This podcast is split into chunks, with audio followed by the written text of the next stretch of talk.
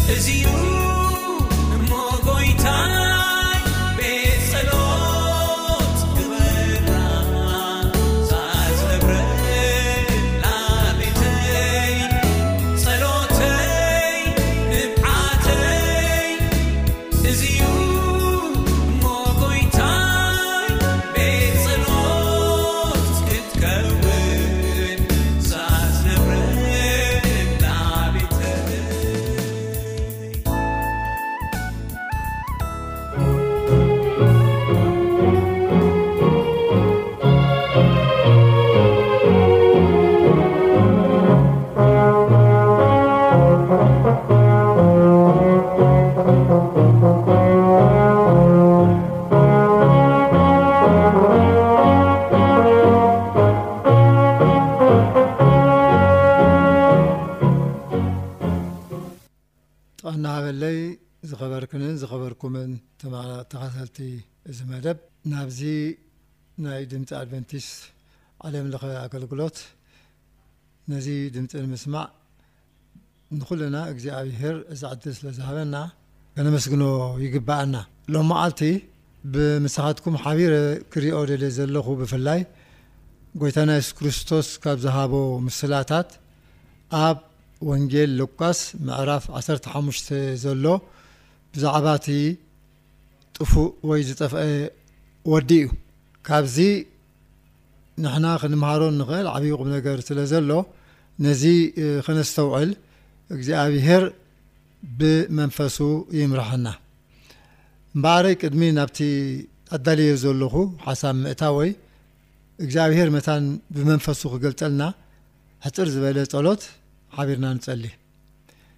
ሰማይን መሬትን ባሕርን ናብኡ ዘሎ ዝፈጠርካን ኩሉ እትኽእል እግዚኣብሔር ኣምላኽ ክሳዕ እዚ እዋን እዚ ህይወትን ትንፋስን ስለ ዝሃብካና ክንጸንሕ ከዓ ዕድል ስለ ዝሃብካና ነመስግነካ ኣለና። ነዚ ዝሃብካና ዕድል ክንጥቀመሉ ብዝበለጸ ንሕና ናባኻ ክንቀርብ ከምኡ እውን ንከባቢና ብርሃን ክንከውን ጸጋኻ ሃበና። ነዚ ሕዚ እንዛረቦን እነድምጾን ቃላትካ ከኣ ብዝያዳ ብመንፈስ ቅዱስካ ግለጸልና ምእንቲ ሽም የሱስ ኢልካ ኣሜን።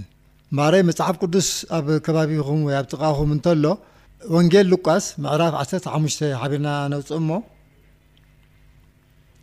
ካብ ፍቕዲ ዓሰርተ ሓደ ዘሎ እየ ከዘንቱ ክርስቶስ ኣብዚ ናይ ወንጌል ሉቃስ መበል ዓሰርተ ሓሙሽተ ምዕራፍ ብዛዕባ ሰለስተ ዝጠፍኡ ነገራት ምስላ ሂቡ ኣሎ፣ ዝጠፍአት በጊዕ፣ ዝጠፍአት ካትም ከምኡ'ውን ዝጠፍአ ወዲ። ብፍላይ ሎሚ ክንሪኦ ዝደልየ ዘለኹ ናይዚ ዝጠፍአ ወዲ ዛንታ እዩ። ስለዚ መጽሓፍ ቅዱስ ተለኩም ገንጽሉ እሞ ሓቢርና ከነንብብ። ካብ ወንጌል ሉቃስ ምዕራፍ ዓሰርተ ሓሙሽተ ካብ ፍቕዲ ዓሰርተ ሓደ። ዓቢና ንንቦ ብፍላይ እዚ ጥቕሲ እንታይ ዝብለና ክርስቶስ ምስላ ክህብ ከሎ ሓደ መንእሰይ ወዲ ነይሩ ምስ ሓዉን ምስ ኣቦኡን እዩ ዝነብር ነይሩ እቲ ዛንታ እቲ ኣቦ ክልተ ኣወዳት እዮም ነይሮሞ እቲ ንእሽቶ ወዱ ኣብቲ ቤት ኣቦኡ ምንባር ነቲ ጸጋ ኸም ዕድል ኣይረኣዮን። ከም ሰብ ግን እቲ ኻብቲ ናይ ኣቦኡ እንተ ወሓደ ኻብቲ ዅሉ ሃብቲ ምስ ሓዉ ፍርቂ ኺማቐል ከም ዚኽእል ኣፍልጦ ነይርዎ። ስለዚ ነቲ ኣብ ቤት ኣቦኡ ከም ውሉድ ብሕንቃቐ ዚነብረሉ ዝነበረ ከም ዓቢ ቝም ነገር ስለ ዘይረኣዮ፣ ካልእ ዓለም፣ ካልእ መገዲ ኺፍትን ደልዩ። ስለዚ ናብ ኣቦኡ መጺኡ ኣቦይ ካብዚ ሃፍትኻ ዝግብኣኒ ኩሉ ሃበኒ ኣነ ክኸይድ እየ ኢልዎ ፍቓዱ ስለ ዝኾነ እቲ ኣቦኡ ኸዓ ብዙሕ ኣብ ዘየድሊ ምጭቕጫቕ ክኣቱ ኣይደለየን ብመሰረት ጠለብ እቲ ውሉድ ኩሉ ዝግብኦ ሂብዎ። ደሓር እንታይ እዩ ዝብለና እቲ ዛንታ? ነቲ ዘለዎ ኩሉ ጠርኒፉ ናብ ርሑቕ ሃገር ከደ። ኣብቲ ርሑቕ ሃገር ከኣ ብዙሕ ገንዘብ ስለ ዝነበሮ ብዕብዳንን ብዝርጋንን ዘሮዎ ይብል። ሓንቂቑ ኩሉ እቲ ቅርሺኡ ከም ዝደለዮ እናገበረ ወዲእዎ። ወል ቅርሺ መቸስ ብባህሪኡ ከምኡ እዩ ይመጽእ ይጠፍእ ይኸይድ ከዓ ብጥንቃቐ እንተዘይሒዝካዮ ከዓ ክባኽን ይኽእል እዩ ስለዚ እዚ መንእሰይ ዝደለየ ኩሉ እናገበረ ከም ደለዮ እናሓንቀቐን ከም ደላይ እናኸደን ነቲ ገንዘቡ ወዲእዎ ምስ ተወደአ ኣጋጣሚ ኣብቲ ዓዲ ስደት ኣብቲ ዘለዎ ዓዲ ኣብቲ ገንዘብ ብምብታንን ብሃብትን ብኹሉ ዓይነት ምሕጓስን ደስ ዝብሎ ዝነበረ ሰብ ብኸምኡ ዝፍለጥ ነበረ ገንዘብ ስኢኑ ኣጋጣሚ እውን ኣብቲ እዋን ኣብቲ ከባቢ እውን ጥሜት ተላዒሉ ስለዚ እዚ ወዲ መሐንቀቒስ ይትረፍ ከም ሰብ በሊዑ ዝነብረሉ ገንዘብ ስኢኑ ኣብቲ ከባቢኡ ኩሉ ዝከኣሎ ገይሩ ላዕልን ታሕትን ኢሉ ምንም ኣታዊ ክረኽበሉ ዕለታዊ መግቢ ክረኽበሉ ዝኽእል መገዲ ኣይረኸበን። እንታይ እዩ ዝብለና ቅዱስ ጽሑፍ? ብድሕሪ እዚ ናብ ሓደ ሃብታም ሰብ ከይዱ ምስኡ ክዕሰብ ሓቲትዎ። እቲ ሰብ ከኣ ጠለቡ ተቐቢሉ ንሓሰማታት ክጓሲ ዓሲብዎ። ሓሰማ ከም እንስሳ ክንሪኦ ከለና ኩሉ ነገር ዝበልዕ ኩሉ ጓሓፍ ነገር ዝኣኻኽብ ትሑት ነገር ዝበልዕ እንስሳ እዩ። ስለዚ ነዘን ሓሳሙ ክጓሲ ተዓሲቡ። Well እቲ ናይ ዓስቡ ደመወዝ እውን ስለዘይኣኽሎ ምስተን ሓሳሙ ካብቲ ዝበልዖኦ ክበልዕ ደልዩ። ከዕግብዎ ከጽግቦ ዝኽእል መግቢ ግን ኣይረኸበን። ስለዚ ጠሚዎ ናብራ መሪርዎ ኣብቲ ዘለዎ ዓዲ ብኸምዚ መገዲ ክቕጽል ከምዘይክእል ፈሊጡ ሐዚ እዚ ወዲ መጀመርያ እንታይ እዩ ገይሩ ኮፍ ኢሉ ክሓስብ ጀሚሩ ናብ ውንኡ ተመሊሱ ዋእ ኣነ ሐዚ ኩሉ ንብረተይ ኩሉ ገንዘበይ ሒዘ መፅአ እየ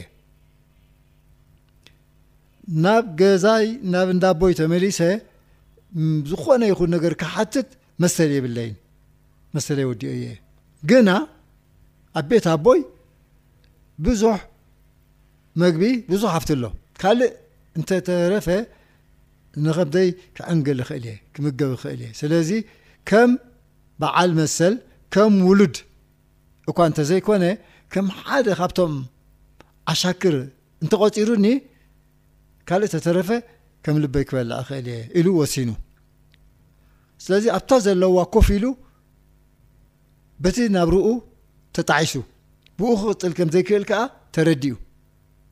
ስለዚ ከም ውሉድ ከም በዓል መሰል ዘይኮነስ ከም ባርያ ከም ኣገልጋሊ ኮይኑ ተዓሲቡ ናብ ቤት ኣቦኡ ክኸይድ ወሲኑ። እዚ ጽቡቕ ስጉምቲ እዩ። ጽቡቕ ውሳኔ እዩ። ኣብኡ ነዚ ወሲኑ ኮፍ እንተዝብል ምንም ዝመጽእ ለውጢ ኣይምነበረን። እቲ ምጣዓሱ ኣይምጠቐሞን ስለዚ ዝወዲ እንታይ ገይሩ ምስተ ጣዕሰ ስጉምቲ እዩ ወሲዱ ንኹሉ ዝነበሮ ከባቢ ገዲፉ ኣንፈቱ ናብ ቤት ኣቦኡ ኣቢሉ ኣቕኒዑ ናብ ቤት ኣቦኡ ከዓ ተጓዒዙ እንታይ እዩ ዘለና ፅሑፍ ናብቲ ቤት ኣቦኡ ምስ ቀረበ ኣብ ርሑቕ ከሎ ኣቦኡ ርእዎ እቲ ብዙሕ ንብረት ብዙሕ ሃፍቲ ሒዙ ዝኸደ ፅጋባ ወዱ ዘይኮነስ እቲ መልክዑ ኣለዎ ግን ዝዓበረ እተባላሸወ ብጥሜት ዝማሰነ ሰብ እዩ ርእዩ ግን ውሉዱ ምዃኑ ኣለልይዎ ስለዚ እንታይ እዩ ገይሩ እታ ናይ መጀመርያ ዝወሰዳ ስጉምቲ እንታይ እያ ነይራ ምስ ኩሉ ዓሰስ ገሰሱ ነዚ ወዲ ሓቝፉ ስዒምዎ እንቋዕ መጻእካ ኢልዎ ደሓር እቲ ወዲ ተጣዒሱ ኣብ ቅድሜኻን ኣብ ቅድሚ እግዚኣብሄርን ሓጢኣት ገይረ ሕጂ ወድኻ ክኸውን ኣይበቅዕን እየ ግን እቲ ኣቦ ነዚ ዅሉ ዘረባ ኣቓልቦ ኣይሃበሉን። እዚ ወደይ እዩ ኢሉ ኣብ ኣንሽዓ ተቐቢልዎ። ኣብ ካልእ ሰሓቦ ጉተቶ ክኣቱ ኣይደለየን። ንምንታይ ቅድም ከምኡ ኢልካ ዘይሓሰብካ? እቲ ገንዘብ ከመይ ጌርካ ኣጥፊእካዮ? ንምንታይ ከድካ? ንምንታይ መጺእካ? ዝብል ዘየድሊ ሕቶታት ከልዕል ኣይደለየን። ብኸመይ ኣጥፊእካዮ እቲ ገንዘብ? እንታይ ጌርካዮ? ክንደይ ወዲእካ? ክንደይ ተሪፉካ? ኢሉ ኣብ ዘየድሊ ናይ ሕሳብ ምጽራይ ክኣቱ ኣይደለየን። እዚ ወደይ ጠፊኡ ኔሩ ተረኺቡ ሞይቱ ኔሩ ሓውየ'ዩ እንታይ ጌሩ ብምንታይ ክነብር ጸኒሑ ብዘየገድስ ወደይ'ዩ ወደይ ኢኻ ነቶም ኣገልገልቱ ምሳኹም ግበርዎ ከም ሓደ ኣገልጋሊ ምሳኹም ዕሰብዎ ይቋጸር ኣይበለን ኖእ እዚ ወደይ ኢሉ ዓቢ በዓል ጌሩ ንተሓጎስ እንቋዕ ኣቲ ወደይ መጸ እምበር ዝጠፍአ ይጥፋእ ኢሉ። ስለዚ ንመጻኢ እውን ካልእ ቅድመ ኩነታት ኣየቐመጠን። ካልኣይ ግዜ ከምኡ ዘይትገብር ተኾንካ፣ ገንዘብ ኣይሃበኒ ዘይትብል ተኾንካ መሰል የብልካን ኢሉ ክጸባጸብ እውን ኣይደለየን። ኣብኣን ሽዓኣን ነዚ ወዲ ውልድነቱ ኣረጋጊጹ ናይ ውልድነት መሰሉ ሽዓ መሊሱሉ። ካትም ኣብ ኢዱ ግበሩሉ፣ ጫማ ኣብ እግሩ ግበሩሉ፣ ብሉጽ ክዳን ክደንዎ። እዚ ወደይ እዩ፣ ዝገበረ ይግበር፣ ኣብ ዝነበረ ይንበር፣ ወደይ ኢሉ ከም ወዱ ተቐቢልዎ። እዚ ክርስቶስ እዚ ምስላ ንምንታይ እዩ ሂብዎ? ካብዚ ንሕና ክንወስዶ እንኽእል ሓደ ዓብዪ ትምህርቲ ኣሎ። ንሕና ሓጢኣት ጌርና ብዝተፈላለየ ከባቢ ኣብ ዝተፈላለየ ኩነታት ስለ ዝዓበና ካብ እግዚኣብሄር ንእግዚኣብሄር በዲልና ካብ እግዚኣብሄር ርሒቕና ኢና ልክዕ ከምዚ እዚ ወዲ ዝገበሮ። ናብ እግዚኣብሄር ክንመጽእ ከለና ግን እግዚኣብሄር እንታይ እዩ ዝብለና?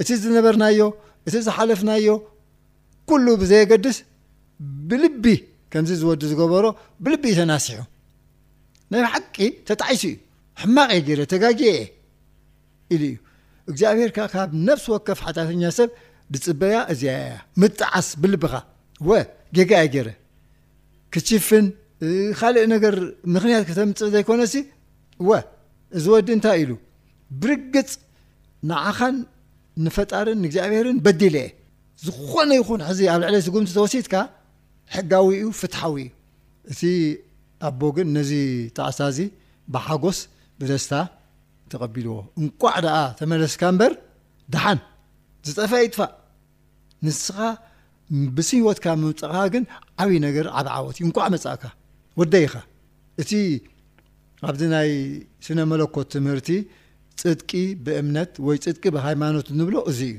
እዩ እቲ ኣቦ ኣብኣን ሸዓኣን ብዘይ ምንም ቅድሚ ኩነት እዩ ውልድነቱ ኣረጋጊጽሉ እንታይ እዩ ገይሩ ዝወዲ ተመሊሱ እሱ በቲ ናቱ ክገብሮ ዝኽእል ቅርሹ ሒዙ ክመፅእ ኣይከኣለን ካልኦ ክገብር ኣይከኣለን ንዓርሱ ግን ተመሊሱ ተጣዒሱ ተመሊሱ ምስቲ ጥሜቱ ምስቲ ሽግሩ ነቲ ብሕንቃቐ ዝኸዶ መገዲ ኩሉ ብብዙሕ ድኻምን ብብዙሕ ሰሃሮን ተመሊስዎ እዩ እዛ እዩ እቲ ወዲ ዝገበረ ካብዚ ንኔው ዘሎ ኩሉ ናይቲ ኣቦ ተራ ኮይኑ ኖ ሕጂ ኣነ ምሳኻ ክጸባጸብ ንናይ ዝሓለፈ ይኹን ንዝመጽእ ቅድመ ኩነታት ኩነት ክቐምጥ ኣይደልን እየ። ወደይ ኢኻ ብሰላም ንበር። ስለዚ ክርስቶስ ከኣ ንዓና ከምኡ እዩ እቲ ጽድቂ ዝህበና። እዚ ንሕና ክንገብሮ እንኽእል ብጀካ ምምላስ ካልእ ነገር የለን። ኩሉ ብጸጋ እዩ። ምድሓን ማለት ብጸጋ እዩ። ኣብዚ ክንርኢ ከለና እውን ክርስቶስ ኣብቲ ናይ መጠረስታ ናይ መሬት መነባብርኡ ግዜ ኣብ መስቀል ተሰቒሉ ክመውት ክብል ከሎ እቲ ብየማኑ ተሰቒሉ ዝነበረ ሽፍታ ዋእ ኢሉ ናብ ዓርሱ ተመሊሱ ኣነ ሽፍታ እየ ነይረ ንሰብ በዲለ እየ ንዓይ ዝበጽሓን ነገር ሕጊ እዩ ፍትሓዊ እዩ እዚ ግን ወዲ ኣምላኽ እዩ ሓንቲ ሓጢኣት ኣይገበረን ጻድቕ እዩ ከማይ ከም ሓጢኣተኛ ክኹነን ክስቀል ኣይግብኦን እዩ ኢሉ ምስ ነፍሱ ተኣማሚኑ ንክርስቶስ ከኣ ከምኡ ኢልዎ ኣብኣ ከኣ ተናሲሑ ጎይታይ ብመንግስትኻ ምስ ትመጽእ ዘክረኒ ኢልዎ ክርስቶስ ከኣ ብርግጽ ሎም መዓልቲ ኣረጋግጸልካ ኣለኹ ኣብኣ እዚ ሰብዚ ካብኡ ወሪዱ ሕማቅ ይኹን ጽቡቅ ናይ ምግባር ዕድል የብሉን ዕድሉ ተወዲኡ እዩ ኣብታ ናይ መጠርሳ ሰዓት ግን ተመሊሱ ክርስቶስ ከ ኣብኣ ኣረጋጊፅሉ ኮንፈርም ገይርሉ በቃ ምሳይ ኣብ ገነት ክትህሉ ኢኻ እቲ ዝሓለፍካዮ ሓሊፉ እዩ ሕድገት ይቕሬታ ረኺብካ ኣለኻ ኣፅዲቀካ ኣለኹ ኢልዎ ስለዚ ኣብዚ ክልቲኡ ናይዚ እቲ ፍልልይ ክንሪኦ ከለና ኣብዝን ኣብዚ ምስላን ኣብቲ ኩን ነገር ናይቲ ሽፍታን ክንርኢ ከለና ኣብታ ሰዓት እቲኣዮም ክልቲኦም ውልድነቶም እግዚኣብሔር ከም ተቐበሎም ዘረጋገጸሎም። ሕዚ ክንርኢ ከለና እቲ ሽፍታ ሰዓቱ፣ ግዜኡ፣ እዋኑ ተወዲኡ እዩ። ካብኣ ናብ መቓብር እዩ። እቲ ወዲ ግን ናብ ቤት ኣቦኡ እዩ ተመሊሱ። ኣብኡ ክነብር ይኽእል እዩ። ሕጂ ምሉእ መሰል ኣለዎ። እንተደልዩ ነቲ ኣቦኡ ዝሃቦ ሕድገት ነቲ ኣቦኡ መሊሱ ዝሃቦ መሰል ውልድነት ኣኽቢሩ ከም ውሉድ ኣብኡ ክነብር ይግብኦ። ንምንታይ? ውሉድ መታን ክኸውን መታን ኣቦኡ ክቕበሎ ድዩ ኣይኮነን። ኣቦኡ ከምታ ዘለዋ እዩ ተቐቢልዎ። ነቲ ናይ ኣቦኡ ተቐባልነት ግን ክነብረሉ ኣለዎ። ኣብቲ ገዛ ከም ውሉድ ክነብር ኣለዎ። ከም ውሉድ ክሰርሕ ኣለዎ። ከገልግል ኣለዎ። እቲ ኣቦኡ ይኹን ሓዉ ይኹን ካልኦት ኣብቲ ከባቢኡ ዘለዉ ሰባት ዝጽበይዎ ከምኡ ብቑዕ ናብራ ክነብር ኣለዎ። ስለምንታይ? መሰል ውሉድነት ስለ ዝተዋህበ ከም ውሉድ ክነብር ኣለዎ። ንሕና ከኣ ምስ ኩሉ በደልና ምስ ኩሉ ሓጢኣትና ምስ ኩሉ ክፍኣትና ናብ እግዚኣብሄር ምስ መጻእና እግዚኣብሄር ሽዓን ኣብኣን እዩ ጽድቅና ዘረጋግጸልና ይቕበለና። እሞ ሽዑ እንታይ ኢና ክንገብር ዘለና? ንድሕሪት ኢና ናብ ሓጢኣት ክንምለስ ነቲ ዝሓለፍናዮ እተነስሓናሉ እተጣዕስናሉ ነገር መሊስና ዲና ክንነብር ዝግባኣና ኣይኮነን ከም ውሉድ ሕድገት ከም ተገብረሎም ውሉድ ከም ውሉድ ናይ ውልድነት መሰል ተጠቒምና ብፍቓድ እግዚኣብሄር ክንመላለስ ንካልኦት ሰባት እቲ ብርሃን ከነብርህ እዚ እዩ ዝግባኣና ንምንታይ ክንፀድቕ ምእንቲ ኣይኮነን እታ ጽድቅና ምስ ተመለስና እግዚኣብሄር ኣረጋጊጹልና እዩ ስለ ዘጽደቐና ይቕረ ስለ ዝበለና ስለ ዝሓደገልና ከም ውሉድ እግዚኣብሄር ከም ሓጢኣቶም ተሓድገሎም ይቕረ ከም ተባሃለሎም ሰባት ብጽቡቕ ስነ ምግባር ክንነብር ግን ይግብኣና እዩ እዚኸ ብምላህና ሓይልን ጥበብን ክእለትን ክንገብሮ ንኽእልዶ? ኣይንኽእልን። እግዚኣብሄር ብመንፈስ ቅዱስ ብጸግኡ ሓይሊ ይህበና። ጽቡቕ ነገር ክንገብር እግዚኣብሄር ሓይሊ ይህበና። እቲ ዝህበና መሰል ውልድነት ምስ ሓይሊ ምስ ኣኽእሎ ተወሲኹ እዩ ዝመጸና። ስለዚ ከም ውሉድ ክንነብር፣ ናብ ሓጢኣት ደጊምና ከይንምለስ፣ ንኻልእ ከይንብድል፣ ንኻልእ ከይንጎድእ እግዚኣብሄር ጥዑይ መንፈስ ናይ ጽድቂ መንፈስ ይህበና። ስለዚ እቲ መሰል ውልድነት ማለት እቲ መሰል ምጽዳቕ ማለት እዚ እዩ። ንሕና ግን ከም ሰባት ኣብ ከባቢና ሰይጣን ኣሎ፣ ብዙሕ ካልእ ፈተናታት ከ ኣሎ። ብኡ ክንቅጽል ኣይደልየናን እዩ። ክሕንኩለና ናብቲ ዝነበርናዮ ክመልሰና ብዙሕ እዩ ሰይጣን ዝፅዕር ፈተና ኣሎ ሽግር ኣሎ ኮይኑ ግን እግዚኣብሄር በቲ ዝህበና ፀጋ በቲ ዝህበና ሓይሊ መንፈስ ቅዱስ ንኩሉ እቲ ክመፀና ዝኽእል ሽግር ንኩሉ ነቲ ክመፀና ዝኽእል ፈተና ክንስዕሮ ንኽእል ኢና። እዚ ኢና ኣብቲ ናይ ህዝቢ እግዚኣብሄር ናይ ነብያት ይኹን ናይ ሃዋርያት ይኹን ናይቶም ካልኦት ኣመንቲ ህይወት ክንርእዮ እንኽእል እዚ እዩ። እግዚኣብሄር ስለ ዘድሓኖም እቶም ነብያ እንታይ ገብሩ ነይሮም? ይንበዩ ነይሮም። ነቲ ካልእ ሰብ ተመለሱ ትጋገዩ ኣለኹም ይብልዎ ነይሮም። ንጳውሎስ ሓዊስካ እቶም ሃዋርያት ገ እንታይ እዮም ገይሮም? ክርስቶስ ምእንታኹም ሞይቱ እዩ። ተነስሑ ተመለሱ። እትኹነንሉ እትጠፍእሉ ምኽንያት የለን።